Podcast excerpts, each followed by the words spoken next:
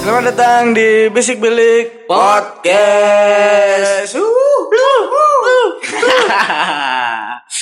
ya masih bersama kita kita ini ya bos. Tetap aja ya. Hmm, dengan Mail di sini. Iya sama Iqbal. Malu jadi pindahin, cuk.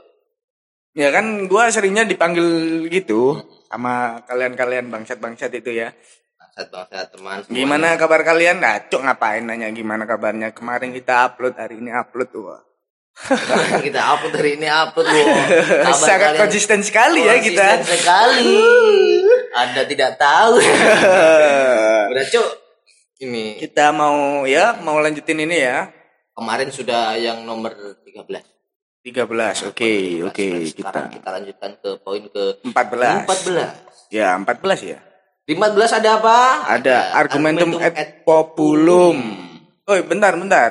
Ini kemarin kan kita udah nyaranin ya buat pena sama kertas sama buku lah. Buku, Eh, jangan kertas. lupa. Ayo ambil ambil Kertas. sekarang, Jancuk. Kertas Ayo cepat cepat cepat. dibuat alas obat nyamuk, cuk. Ya. Hmm. Ini argumentum et populum. Apa itu Bang Mail? Argumentum populum. Ini argumentum et populum itu secara sederhananya itu yakni eh, kebenaran atas crowd ya. Crowd, crowd itu Kerumunan. Hmm, Crowd itu kerumunan. Bahasa Inggris itu crowd Ah, itu. weh, weh. Pintar sekali Anda. Ini crowd itu kerumunan. Jadi kalau ada eh, sebagian besar orang mempercayai bahwa ini benar, nah, maka sesuatu itu menjadi benar. Nah, ini keliru. menjadi ada. Jadi benar. Iya lah iya. Mm-mm. Jadi benar menjadi ada. Hmm. Jadi kayak apa namanya kebanyakan orang tuh bilang bahwa apa ya Iya apa? contohnya ayo cari contoh Ini ini ini ini. Jika 75% masyarakat percaya nah Bahwa- percaya bahwa itu UFO, UFO itu ada.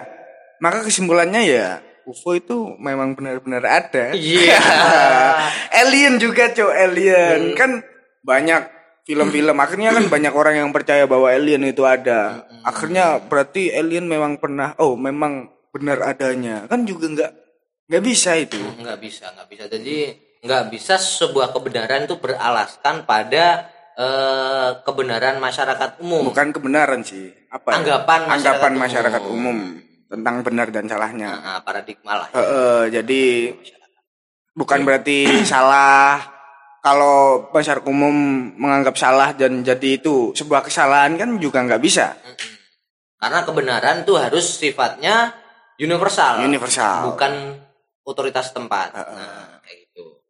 Yaitu tadi argumentum et populum. Semoga kalian paham. Ya lanjut lagi ke nomor 15 15 15 ada, ada argumentum et novitam. Argumentum et novitam muncul ketika sesuatu hal yang baru dapat dikatakan benar dan lebih baik.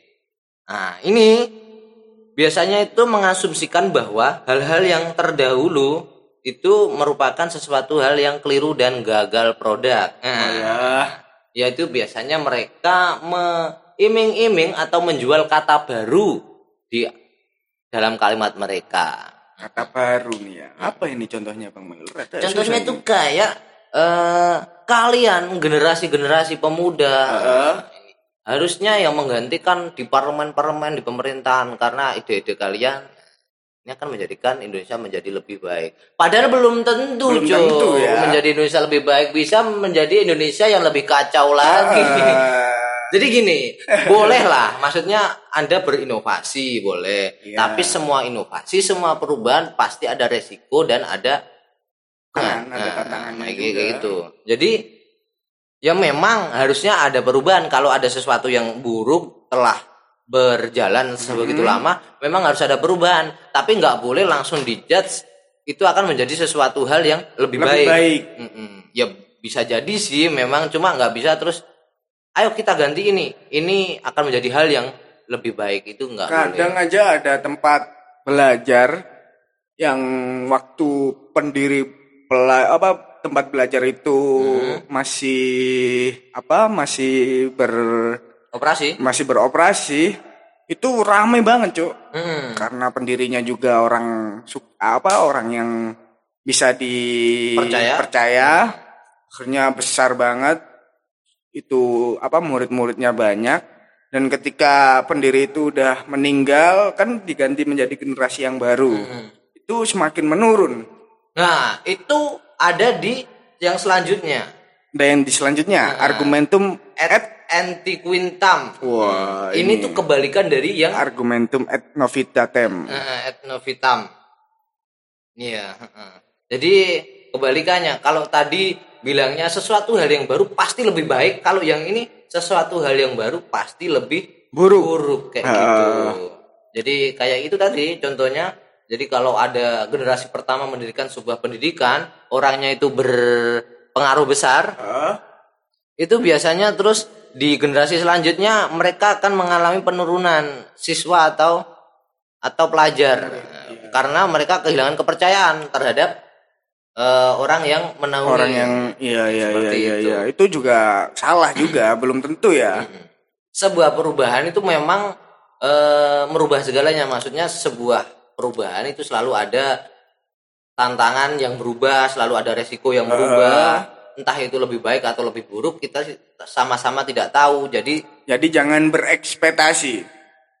jangan berekspektasi bener dan berekspektasi dan jangan langsung men- Menjudge itu eh, membuat kesimpulan lah, membuat seperti kesimpulan bahwa ketika udah generasi baru itu menjadi jelek atau menjadi baik. Jangan disimpulkan. itu. bisa aja sama-sama Lah, itu bisa juga. kayak gitu udah Kalian paham ya? paham ini ini mudah Gampang sekali banget kok. Ya, ini yang nomor 15 eh 16. 16, nomor 16. Yaitu No True Scotsman. No True apa ini Scotsman. No True Scotsman. Scotsman, Scots itu kan Skotlandia ya kalau nggak salah. jadi manusia Skotlandia Ke, apa? ya begitulah Ah, lah, ini itulah, Skotlandia. asal dari Asal Skotlandia kata- Iya, iya, iya. Dari contoh lah, sampel dari Skotlandia. Ini gimana ini? Nah, contohnya seperti ini. Eh, orang Skotlandia, tidak ada orang Skotlandia yang menaruh gula pada buburnya. Hah? Terus ada yang jawab, loh, tapi paman saya adalah orang Skotlandia dan dia menaruh gula pada buburnya kayak gitu. Terus yang tadi ngeklaim, tapi tidak ada orang Skotlandia sejati. Wah, tapi tidak, dia bukan orang Skotlandia sejati. Oh, berarti gitu. dia berarti paman itu diklaim bahwa dia bukan Skotlandia sejati. Mm-mm. Karena dia mencabur apa mencampurin Gula gula, ke bubur. ke buburnya. Nah. Oh, I see. Jadi sebenarnya kesalahannya itu bukan di klaim terakhir, juga bukan di salah pamannya si itu tadi, tapi salahnya adalah di klaim awal dan premisnya di akhir sebenarnya. Jadi kan klaim awal dia mengatakan orang Skotlandia tidak ada yang menaruh gula dalam buburnya, tapi di premis akhir dia mengatakan bahwa oh berarti dia bukan orang Skotlandia sejati kayak gitu. Jadi berarti Berarti kesimpulannya adalah jangan suka ngeklaim sesuatu Ah, ah. yang itu memang bisa berkembang. Iya, Kayak iya, sosial, kemanusiaan itu bisa berkembang mengikuti zaman. Jadi itu nggak Oh. bisa diklaim. Jadi kayak eh semua umat muslim adalah eh, orang yang umatnya itu saya bilang umatnya bukan agamanya Nah, kalau agamanya rahmatan lil alamin. Iya, oke? Iya, aku. kita bilang muslimnya. Semua orang muslim berperilaku baik. Terus ada, ada, yang muslim yang berperilaku jelek. Nah, ada yang teroris terus oh berarti mereka bukan muslim sejati. Bukan kayak Bukan gitu. kayak gitu. Jadi tapi bukan berarti kita nyala apa bukan berarti agamanya yang ini Ki- muslimnya. Nah, kita bukan juga membenarkan terorisnya Ah, bukan Bukan membenarkan tapi emang terorisnya juga Islam kebetulan Ah. Islam untuk masalah terorisnya sendiri untuk ngebom-ngebomnya sendiri berarti pendidikannya yang keliru gitu. personalnya Mm-mm. bukan berarti m- i- dia bukan muslim sejati. Mm-mm. Apa kita nggak bisa ngejudge dia bukan muslim sejati? terus klaimnya sendiri itu juga salah Ah. sebenarnya Eh, jadi pusat permasalahannya adalah di klaimnya sendiri Klaimnya. Eh, nggak bisa lu menjat sesuatu mengklaim sesuatu yang itu belum pasti kayak gitu loh jadi semua mahasiswa adalah orang yang pandai Lah, itu si Agus kok nggak pandai dia dapat nilai E. Oh berarti dia bukan mahasiswa yang sejati. Iya, iya, nggak iya. gitu. Orang Tapi- apa orang Tuhan aja kalau di firmannya aja kenapa apa kenapa dia pakai ya ayuhal muslimin atau ya ayuhal mukminun kan itu karena apa memang semua umat muslim nggak sama kayak gitu loh. Mm-mm. Ada yang mukmin beriman, ada yang nggak mukmin ada yang mukmin, ada yang nggak mukmin, ada yang Ah. cuma cuma muslim ya kan. Iya. Muslim kan cuma syariatnya, mukmin kan hatinya. Wah. ya udahlah itulah pokoknya paham ya kalian Mm, mau apa paham. mungkin lanjut ke nomor 17 Ini kita bahas cepat aja. perfect solution fallacy Nah, ini. Solution fallacy adalah sesat pikir yang terjadi ketika suatu argumen berasumsi bahwa sebuah solusi sempurna itu ada dan sebuah solusi harus ditolak karena sebagian dari masalah yang ditangani akan tetap ada setelah solusi tersebut diterapkan. Asumsinya jika tidak ada solusi sempurna, tidak ak- tidak, Tidak akan akan ada ada, solusi solusi yang yang bertahan bertahan. lama secara politik setelah diimplementasikan. Oke oke oke. Kalau lu baca panjang-panjang nggak ada yang ini. Iya iya iya iya. Jadi Apa kayak ini? gini aja. Eh, contohnya kayak ada suatu permasalahan. Mm-mm. Nah, ketua organisasi ini ya kan dalam permasalahan ini kan ada ketua organisasi yang memiliki asumsi bahwa pasti ada solusi yang sempurna tanpa. Anggap Pasti aja ada gitu. solusi yang Nah, sempurna. dia berasumsi seperti itu. Dia berasumsi bahwa ada solusi yang sempurna. ya. Nah, terus akhirnya waktu ada anggota-anggota organisasi yang menawarkan solusi Heeh. dan itu memiliki kecacatan dalam solusinya akan ditolak semua. Oh. Dia mencari solusi yang paling sempurna dan tidak ada kecacatan. Itu adalah suatu eh, perfect solution fallacy. Jadi emang nggak ada solusi yang sempurna itu nggak ada. ada. Jadi kalau kalian bilang ini gimana? Gua nggak punya uang ini, nggak ada kerjaan gini, nggak ada kerjaan ini. Lu punya kerjaan nggak? Terus ada yang nawarin, lu jadi sopir aja. Ah, sopir nih bisa mati di jalan, cu. Heeh. Lu ini aja lah, eh bagian di kapal. Loh, kapal nanti bisa tenggelam, cu. Iya, iya, iya, iya, lu, lu di pesawat lah, di pesawat. Pesawat nanti bisa jatuh, cu. Nah, kayak gitu. Terus akhirnya lu nggak kerja sekali sama Heeh. sekali kan akhirnya itu sebuah kesalahan yang Sebuah kesalahan. kesalahan berpikir. Jadi jangan pernah cari sesuatu yang sempurna di dunia. Nggak ada yang Nggak ada yang sempurna. Kesempurnaan itu didapat ketika kalian tuh bisa mensyukuri apa yang kalian dapat. Iya.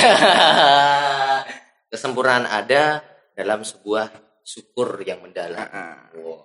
Al istiqomatu khairu min alfi karoma. Ah. Nah, istiqomah itu yang paling utama. Itu yang akan mem- membuat apa ya yang akan memberikan kita sebuah kesempurnaan. Ya, langsung aja, jangan sok-sokan. udah, udah lah. Yang penting itu kalian paham ya. Deh, paham. Di sini contohnya yang paling kalian adalah penerapan UU pornografi ini tidak akan berjalan dengan baik. Nah, Iya. pemerkosaan akan tetap terjadi. Jadi mereka menolak UU pornografi karena berasumsi bahwa pemerkosaan ya akan tetap terjadi. Ya memang seperti itu faktanya. Iya. Tetapi Tapi bukan berarti bukan berarti lu menolak UU-nya. Heeh. Setidaknya itu kan meminimalisir. Nah, kayak gitu kita loh. tuh nggak bisa menghilangkan sebuah masalah karena ma- manusia sama masalah itu mereka apa saling mengikat. Jadi man- kalian bisa dibilang manusia karena kalian punya permasalahan. Jadi intinya kita jangan menghilangkan sebuah masalah, tapi meminimalisir mungkin masalah itu. Terus nanti kalian ini, ah udahlah, kita lanjut aja. Lanjut aja ya, langsung ke nomor 18, yaitu confirmation bias. Bias. Bias atau selective thinking. Confirmation bias adalah kecenderungan seseorang untuk segera mensetujui informasi yang memberikan dukungan prasangka, pendapat atau hipotesis mereka atau hipotesis terlepas dari apakah informasi tersebut benar atau tidak. Nah, ini akibatnya orang akan hanya mengingat sesuatu detail yang sudah dipercayai banyak orang. Kayak gitu. Dan melepas eh, detail-detail yang seharusnya itu bisa menjadi sebuah kebenaran. Nah, iki. Koncomu iki bingung. Jadi kayak gini loh, kayak gini. loh. kayak gini. Jadi ada eh, ini polisi, anggap aja polisi. Ah, polisi. Polisi dia percaya bahwa angka 13 adalah angka yang sial. Heeh.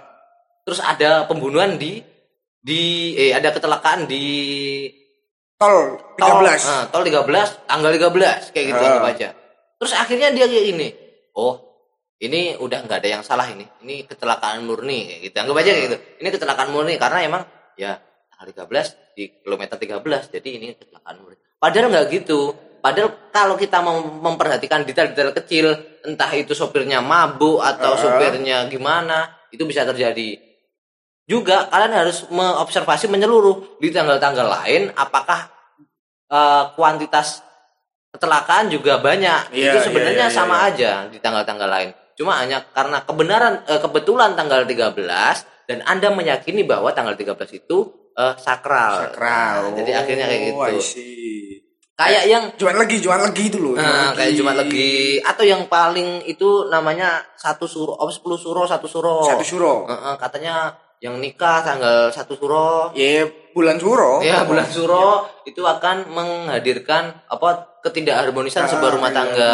sebuah rumah tangga Itu kalian langsung menjudge bahwa ah ya memang dia eh, nikahnya di bulan suro Ah. akhirnya kayak gitu. Padahal enggak juga di bulan-bulan lain, bahkan ada yang di bulan besar, di bulan apa-apa-apa. Ya kalau waktunya berpisah ya berpisah. berpisah eh, Tapi gitu loh. jangan jangan menyalahkan momentum Nah, momentum ah. tuh nggak bisa disalahkan Nah, kalau menghindarinya sendiri, maksudnya menghindari pernikahan di bulan suro itu ya karena memang menghormati bulan Ah. suronya, karena itu bulan yang baik untuk melakukan eh, hajat-hajat yang sifatnya ke atas apa Ah, vertikal iya. ke Tuhan Intinya- langsung. intinya kita kita jangan terus tidak berikhtiar ya kita Mm-mm. tetap berikhtiar maksudnya kalau ada kepercayaan seperti itu ya kalian juga apa Menghargai, uh, menghargai itu menghargai dan niatilah menghargai itu menjadi sesuatu yang nilainya ibadah. Mm-mm, Nah, nilainya kayak ibadah. lu nggak boleh nikah di bulan suro lu jangan cari alasan eh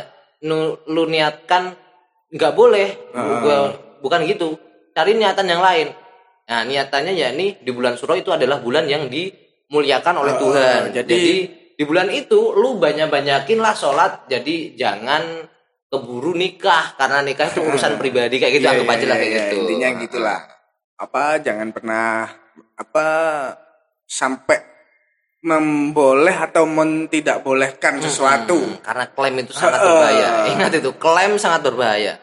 Jangan mengklaim sesuatu. Oke. bukan berarti kita tidak bisa nikah di bulan suro kan Mm-mm. tapi nggak ada salahnya kita untuk menghindari itu Mm-mm. Kan masih banyak bulan-bulan lain. Lu keburungan.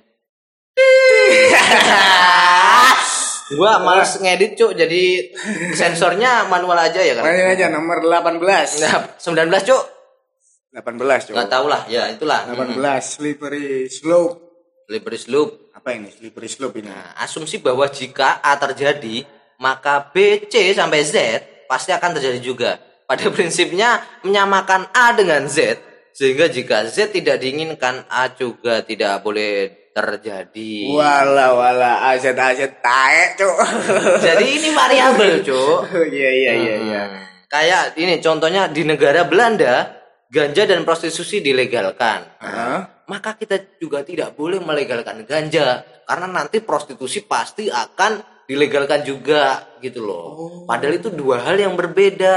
Oh. Iya, Kayak iya, tadi iya, A iya. sampai Z itu dua hal yang berbeda. jadi kalau kita membuka satu maksiat maka akan ada maksiat yang lain Yo kalau itu nggak bisa disamakan kayak gitu, Cuk. Maksudnya kayak eh, di Amerika pakai demokrasi gini-gini gini ya kan? Hah? Demokrasi gini-gini. Terus kita lihat di Amerika, mereka jadi acuh tak acuh sama tetangga kayak gini kayak gini kayak gini. Terus berarti di Indonesia berarti nggak boleh pakai demokrasi. Nanti urusan sama tetangga jadi acuh tak acuh. Oh. Padahal itu dua hal yang berbeda, Cuk, Iya, iya, gitu iya, loh. iya, iya, nggak boleh disamakan. nggak boleh disamakan ya Nah, jadi jangan eh menjudge bahwa sesuatu itu akan terjadi dikarenakan satu yang lain itu terjadi. Nah, padahal itu nggak ada hubungannya kecuali kalau mereka memang punya hubungan realitas kayak itu. Kayak apa ya? Eh, ambil di luar nikah dan pemerkosaan. Nah, itu Nah, mungkin itu. ada realitasnya. Kalau kalian melegalkan rea- apa permo- pemerkosaan, pasti akan banyak hamil di luar nikah Nah, kayak gitu. Itu wajar, tapi wajar. kalau ganja sama prostitusi prostitusi itu jauh berbeda. jauh, jauh berbeda oke langsung aja ke nomor 20 Menjadikan karakteristik eh judulnya apa, Cuk? Genetik falasi. Genetik falasi menjadikan karakteristik yang tidak relevan untuk menilai sesuatu. Heeh. kayak contohnya Volkswagen adalah mobil iblis. Mobil itu produk asli Jerman. Buatan anak buah Hitler. Mentang-mentang dari Jerman semuanya buatan Hitler kayak gitu ya. Oh iya iya iya iya iya. Jadi kayak ini, Cuk. Apa namanya? Eh, lu kuliah di Belanda, eh kuliah di Belanda. Oh, lu diajar dosen-dosen penjajah kayak gitu. Nggak boleh, Cuk. Oh gini gini kayak aku apa gua apa ya? Cuk. gua dapat contohnya gua nggak dapat nilai D, Mhm. nilai jelek dari guru gua karena apa? Weton atau apa itu? Zodiak Zodiak, zodiak. zodiak. Zodiak kita tuh beda. Makanya kita oh, makanya gua dikasih nilai jelek karena kita tidak cocok. Karena lu sama dosennya nggak cocok, eh, sama guru lu nggak cocok. gua Sagittarius dia Libra atau apa nggak cocok. Nggak makanya cocok. gua dapat nilai D. Itu itu salah satunya ya. Dasarnya tidak relevan, Cuk. Eh, jadi apa? Kuliah di Belanda ya kayak gitu tadi. Kuliah di Belanda berarti oh gurunya lu penjajah semua cuk lah. Ah. ya memang Belanda dulu penjajah tapi juga nggak sampai sekarang cuk gitu loh. Iya, iya, iya. dulu gue pernah punya pikiran kayak gitu. Jadi kalau gua mau jalan-jalan ke Belanda gue bakal mati di sana bakal mati. Iya, waktu gua kecil dulu cuk. Waktu masih sekolah dasar dulu. Anda terlalu didoktrin untuk membenci Belanda ya? Waktu dulu cok dan sekarang saya telah terbuka saya ya kan. Tabir surya. Ya tabir surya. Tabir gelap. Hmm, tabir gelap. Yang dulu nah nah nah nah, itu lagunya siapa cok laginya Iwan Fals Cok. Oh, laginya udah langsung aja. Ya moga-moga kalian paham ya. Ya ini langsung ke nomor dua satu Oke. begging begging begging the claim Breaking the claim kesimpulan yang ditetapkan oleh klaim Tanpa disertai sertai bukti nyata. Iya. Jadi kalian jangan apa menyimpulkan klaim apa menyimpulkan yang ditetapkan oleh klaim. Klaim ya intinya intinya diklaim lah klaim itu salah Enggak lah kita nggak boleh menjudge semua klaim itu salah Ah. tapi memang kebanyakan dari klaim itu eh, mengakibatkan sebuah kesalahan Kesalahan berpikir. kayak gua ini orang pintar jadi lu harus percaya sama gua itu keliru ya memang lah anggap aja gua pintar memang kalau me- bener memang gua pintar tapi juga nggak boleh semua lu ratakan bahwa gua selalu bener kayak gitu loh Iya iya iya, enggak enggak gitu sih, lebih ke gini.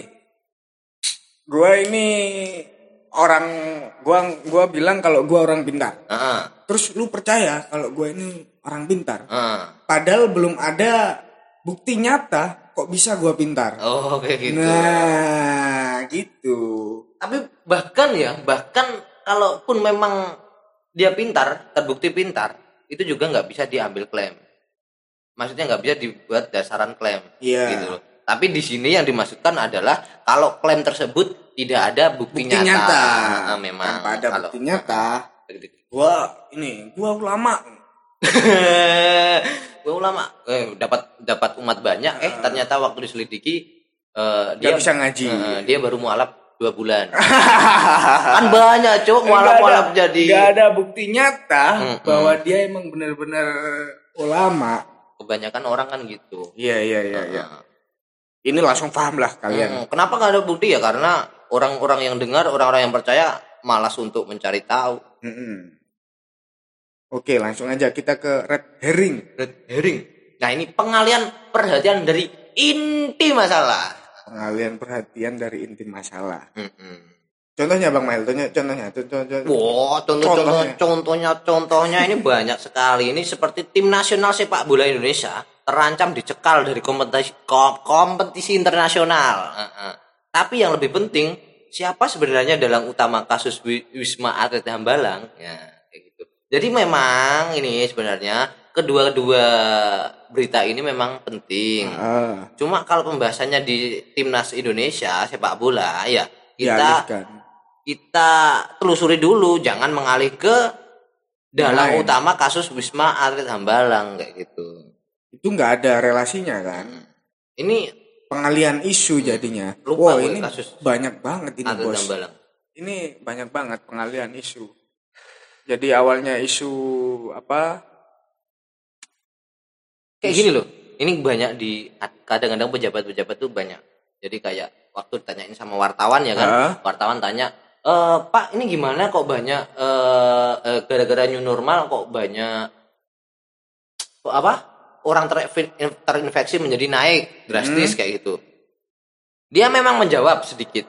Yaitu karena memang ulah manu yang ini ini ini ini cet dapat segi segitu terus dia langsung yang penting kita itu tetap uh, cuci tangan. Hmm. Kalian harus perhatikan cuci tangan. Kalian sudah cuci tangan berapa kali hari ini ya kayak gitu. Padahal oh. waktu itu yang ditanyakan adalah tentang tentang kenapa new normal menjadi seperti ini kayak gitu. Bukan bagaimana cuci tangan. Uh, uh, gitu. Iya. oh iya iya iya iya iya iya iya. iya itu ya. kebanyakan kayak gitu. Jadi kadang kadang pun Pak Presiden pun seperti itu. Uh, uh. Jadi ya memang mungkin Nanti Pak beliau Presiden ini logical fallacy. Wah. Eh, jadi Jadi kemungkinan memang ada beberapa kepentingan-kepentingan yang ditutup. Maksudnya kayak eh, kegelisahan masyarakat Ah. untuk meminimalisir itu. Mungkin aja- mungkin kalau di bidang politik memang banyak sekali dan itu nggak bisa dijudge langsung benar dan tidak bisa dijudge langsung salah. Memang kadang karena eh, logical fallacy digunakan untuk mengelabui, bukan mengelabui untuk menstimulasi eh, politik itu sendiri Iya, kayak iya, iya, gitu. iya. Jadi apa kita nggak jangan jangan gampang-gampang mengalihkan isu. Lu Ah. ditanya ini jawabnya itu. Heeh. Lu ditanya itu jawabnya ini. Kan tai, Cok. Tadi lu kenapa lomba voli kalah? Ya karena memang musuhnya gitu cuk lah itu loh yang paling penting tuh netnya terlalu tinggi cuk padahal yang ditanyakan itu ya padahal net nggak nggak mungkin bersalah cuk itu sudah diukur cuk Heeh. Heeh. Langsung aja ke nomor 22. Dua.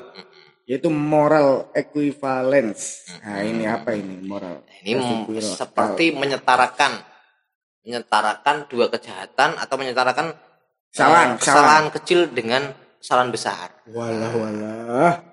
Orang yang mencetak gol bunuh diri ke gawang timnya sendiri itu adalah pengkhianat bangsa. wah Ini seperti apa? AFF 2010.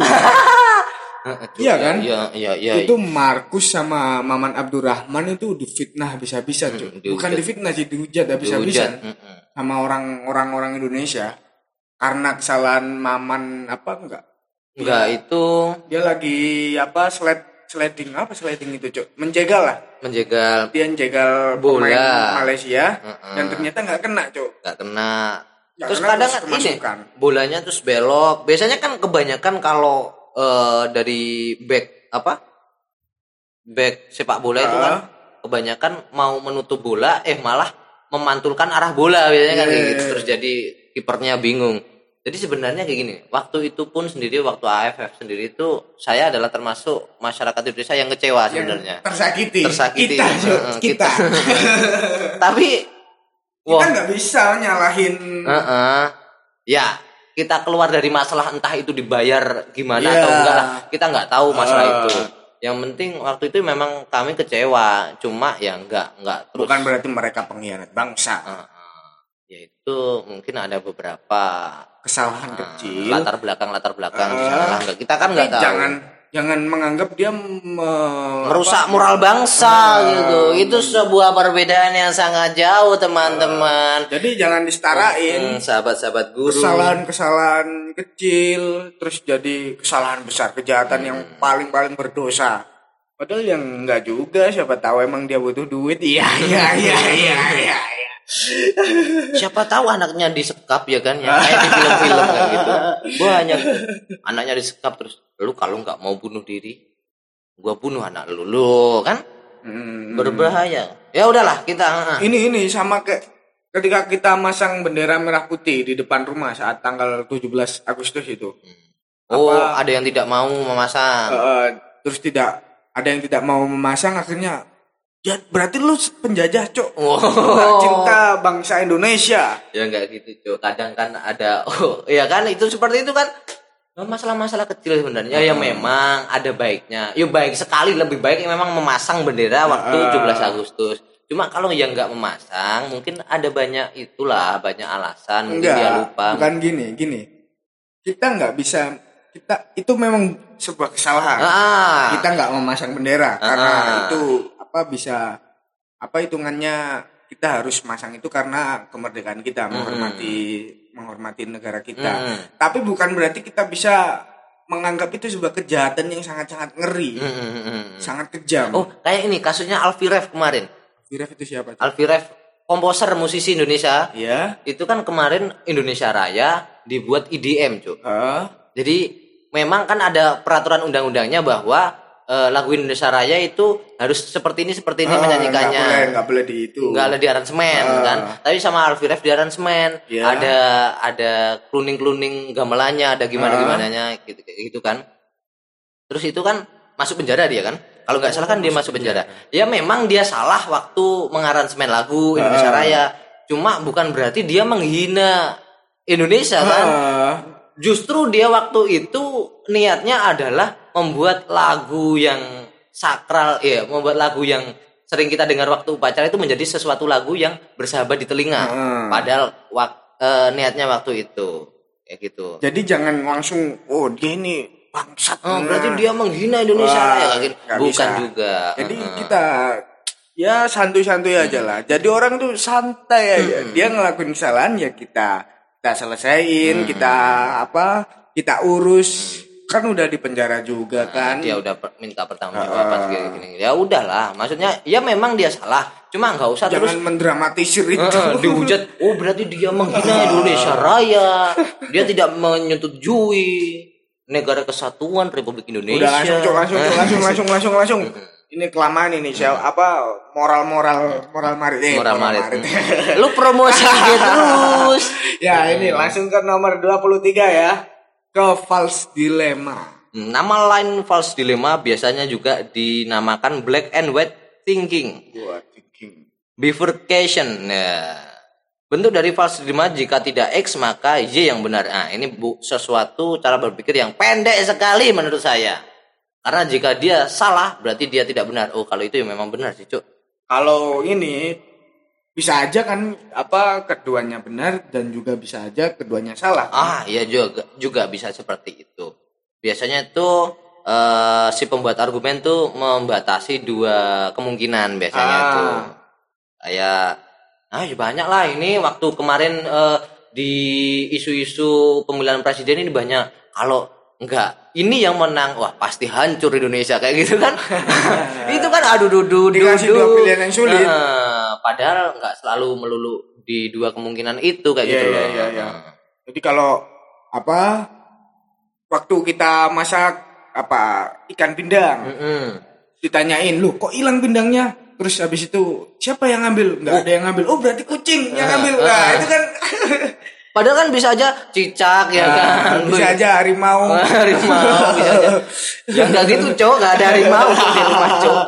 jadi ya kita harus banyak-banyak mengambil kemungkinan sebisa mungkin sebanyak mungkin Biasanya memang kesalahannya adalah eh, si pembatas argumen. Maksudnya si pembuat argumen ini memang membatasi sejak awal kayak gitu loh. Membatasi argumen hanya dua pilihan. Padahal kalau kita mau berpikir secara mendalam itu banyak pilihan-pilihan yang kemungkinan-kemungkinan yang bisa terjadi kayak gitu. Ah. Udah kayak gitu aja. langsung ke nomor 24 Wuh, banyak banget ya. to, To wrong make right. Yo, yo, yo. To wrong make right adalah kesesatan yang terjadi ketika diasumsi bahwa jika dilakukan suatu hal yang salah, tindakan salah yang lain akan menyeimbanginya. Sesat pikir ini biasa digunakan untuk menggagalkan tuduhan dengan menyerang tuduhan lain yang juga dianggap salah. La la la la la la. Apa ini? Apa ini? Apa ini? Ini Apa ini? contohnya di sini ya kan. Contohnya di sini, di sini. Kayak gua bilang Soeharto dulu tuh merebut kekuasaan dari Bung Karno dan akhirnya ia berkuasa dengan tangan besi. Well, tapi Soekarno juga mengangkat dirinya sebagai presiden seumur hidup. Iya, akhirnya berarti dua orang itu sama-sama salah lah. Wala, itu keliru tuh, nggak bisa. Dua kesalahan itu memang eh memang salah lah. Anggap aja mereka salah. Cuma mereka punya eh kesalahan di di bilik masing-masing. Ah. nggak bisa disatukan dan menjadi sebuah penyeimbang. Mereka memiliki dua apa efek yang sangat jauh berbeda. Kayak Pak Soeharto, dia memang merebut kekuasaan dari Bung Karno itu sebuah kesalahan. Terus dia mem- memimpin secara otoriter dan Iya, iya, efeknya iya. seperti itu. Ah. Terus Bung Karno juga mengklaim dirinya menjadi presiden seumur hidup. Tapi kan eh, efeknya berbeda jauh dengan apa yang dilakukan oleh Pak Harto kayak gitu loh. Oh, berarti ini. Ya memang mereka itu sama-sama salah. Cuma nggak bisa kesa- dua kesalahan itu diseimbangkan gitu Iya, loh. iya, iya, iya, terus iya, jadi iya, Pak Soeharto nggak salah Pak Karno juga nggak salah itu nggak boleh Oh gini berarti. Apa lu ngomong kesalahan gua, habis itu gua balik kesalahan lu gitu. Heeh. terus lu menganggap bahwa ya kalau lu juga salah berarti salah gua juga nggak nggak Nggak terlalu sepele lah. Nah, itu sepele aja I see, gitu loh. Iya iya iya iya iya iya iya iya. iya. Udah paham ya, Bos? Lanjut lanjut lanjut lagi ke nomor 25. lima Iya. ini 25. ipse dictims Ipse dictims dik- diktism. diktism ah, adalah argumen dengan dasar keyakinan yang dogmatis Wala wala ini dogma dogma ini ya. Eh, suka sekali saya terus orang yang menggunakan ipse dictism mengasumsikan secara sepihak premisnya sebagai sesuatu yang disepakati padahal tidak demikian nah, premis yang diajukan dalam argumen seolah-olah merupakan fakta mutlak yang telah disepakati bersama kebenarannya padahal itu hanya dipegang oleh pemberi Argumen. argumen Oh iya iya iya iya. Tidak bagi lawannya ya kan? Hmm.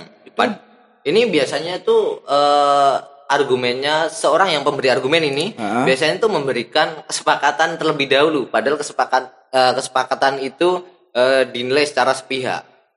Contohnya contohnya ini, contohnya ini. Contohnya di sini ideologi liberalis dan kapitalis telah terbukti gagal. Nah, kayak itu kan dia sudah mengklaim, maksudnya dia membuat eh, kesepakatan bahwa semua orang di ruangan itu setuju Diajak, bahwa diajak nah, diajak setuju. setuju, dipaksa setuju Oh ya. bahwa liberalis dan kapitalis adalah produk gagal dalam politik ya kan Eh, eh, dan, menyengsarakan masyarakat. rakyat, iya. Nah, Karena itu harus diganti dengan sistem Nah, spiritual. terus dia membuat argumen, jadi kita harus menggantinya dengan sistem spiritual, Nah, kayak gitu. Jadi dia membuat dogma dulu di awal, terus baru membuat argumen. Ah. Jadi kayak kayaknya semua ruangan itu akhirnya berpikir bahwa oh iya ya, berarti yang benar cuma itu kan gitu. Padahal awalnya dia ada dogma dulu. Iya iya iya iya. iya. Gitu. Berarti kalau gini, kalau kita ngomong gitu tapi semuanya sepakat gimana? Loh, kalau semuanya memang sepakat ya nggak apa-apa. Iya iya iya. Berarti ini kan urusannya pemaksaan menyepakati. Ah, kayak gitu loh. Kita memaksakan Mm-mm. Anggap kita aja. harus sepakat dulu ini apa ini salah. ini salah ini salah. Maksudnya kita membahas sesuatu. Nah, anggap aja kayak gini lah. Eh, di rumah kita yang ada hanya tempe, tahu sama telur. Iya. Karena gua nggak suka tempe sama tahu. Nah, ini tempe sama tahu itu kan nggak enak. Berarti mungkin lebih baiknya kalau hari ini kita makan telur. Nah, padahal belum tentu lu nggak suka tempe sama tahu Iya, kan. iya, iya, bisa iya, aja iya. menurut lu tempe bisa eh, Lebih bisa aja relevan, Nah, bisa lebih relevan. enak. Nah, nah. Oh, Jadi sebelum memberikan argumen ya telur lebih baik itu mereka membuat kesepakatan secara sepihak di awal padahal gua belum tentu sepakat sepakat bahwa tempe sama tahu itu nggak enak. nah kayak tapi gitu lu loh. udah maksa gua. Nah, untuk sepakat oh iya iya iya iya iya. itu biasanya kalau orang yang kurang cermat dalam memperhatikan itu biasanya terbawa eh, kayak kayak semi semi sepakat kayak gitu jadi kayak argumennya yang didapat oh iya eh, bener-bener kayak gitu Hmm. Berbagai itu Tuhan. Ya, ini yang terakhir ini, Bos. Yang, terakhir. Oke Nomor berapa tadi? 26 ya, nomor 26. Insya Allah ya. 26, Lupa iya. gua nomornya juga. Ini adalah positioning duel. Apa itu Bang Mail positioning duel? Positioning the well di sini adalah sesat pikir yang mencegah argumen lawan dengan cara membuat lawan dianggap tercela dengan berbagai tuduhan bahkan sebelum lawan sempat bicara. Nah, ini apa inovasinya? Temenmu ini bingung, temenmu ini. Jadi kayak gini, kayak gini. Anggap aja di acara TV ya kan, di acara TV di situ ada debat. Ah, anggap aja ada debat terus ditanya-tanyain kayak gini, kayak gini, kayak gini. Terus anggap aja situ Raffi Ahmad bilang, Ah.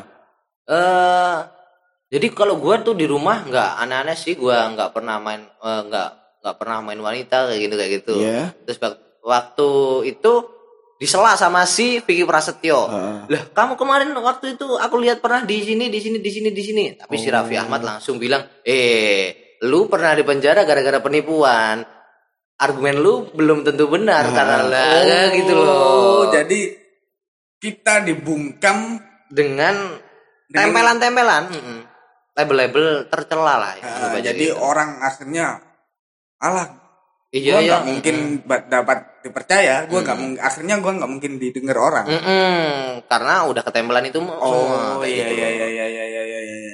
Jadi sebenarnya penyerang mungkin aja eh pembalas lawan bicara mungkin aja punya argumen yang lebih baik. Ah, ah. Cuma gara-gara ditempelin eh Sifat-sifat tercela itu. eh, eh, akhirnya Kita menurun. bungkam. Eh. Padahal itu belum tentu baik atau benar. Iya iya iya. Kayak gitu loh. Udah. Oke guys, ini udah yang terakhir Mm-mm, untuk logical fallacy. logika falasi. Udah mungkin selesai logical fallacy. Jadi logika masih ada dua kemungkinan, ada dua materi besar. Mm-mm.